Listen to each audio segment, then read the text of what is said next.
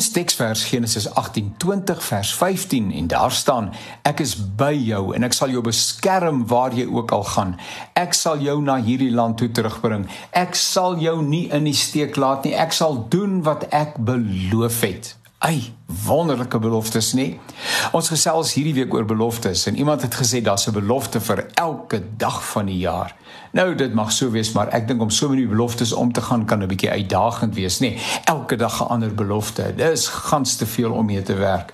Maar ons gesels veel eerder oor 'n jaar tema. Daai belofte is die jaar tema by wyse van spreuke vir jou lewe. Die belofte wat die Here gee informeer jou, mag ek die woorde gebruik, uh die missie en die visie en die doelwitte wat vir jou voorlê gedurende die jaar. Jy sal onthou van Psalm 32 vers 8 wat die Here vir my gegee het vir die jaar wat voorlê. Ek herinner jou graag aan die wonderlike belofte, die keer vanuit die boodskap vertaling. Uh U laat my uitroep van vreugde wanneer U my red. En dan staan daar, hy het gesê, ek is soos 'n onderwyser vir jou. Ek vat jou aan die hand om jou op die regte pad te lei. Ek sal jou elke keer die regte raad gee. Ek sal jou oppas. Ek wil dit weer lees, nê?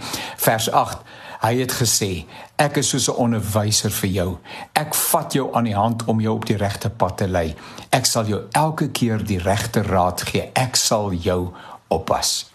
Soos ek nou 'n missie wil formuleer vir my lewe en 'n missie is volgens die internet die langtermyndoelstelling van byvoorbeeld die maatskappy.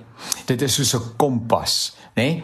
En eh, dan sou ek sê die missie vir my vir die jaar wat voorlê is om in alle opsigte Jesus gelykvormig te word na aanleiding van die belofte. So wat is die visie dan nou? Die visie sê dit gaan oor 'n spesifieke situasie van dit wat ons binne 'n bepaalde tydperk wil bereik, nê? Nee? 'n Bepaalde plek waarby ons wil uitkom.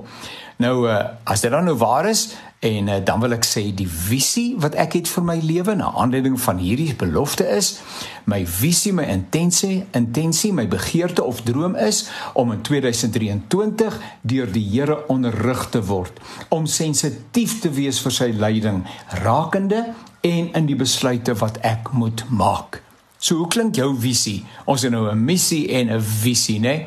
Maar dan is daar ook doelwitte en waardes wat jy gaan genêrens uitkom in jou lewe as jy nie bakens het en as jy nie beplanning doen van hoe jy daai missie langtermyn, visie, korter termyn dan in hierdie geval 2023 hoe jy dit wil verwerklik nie. Hoe gaan dit 'n werklikheid word in jou lewe?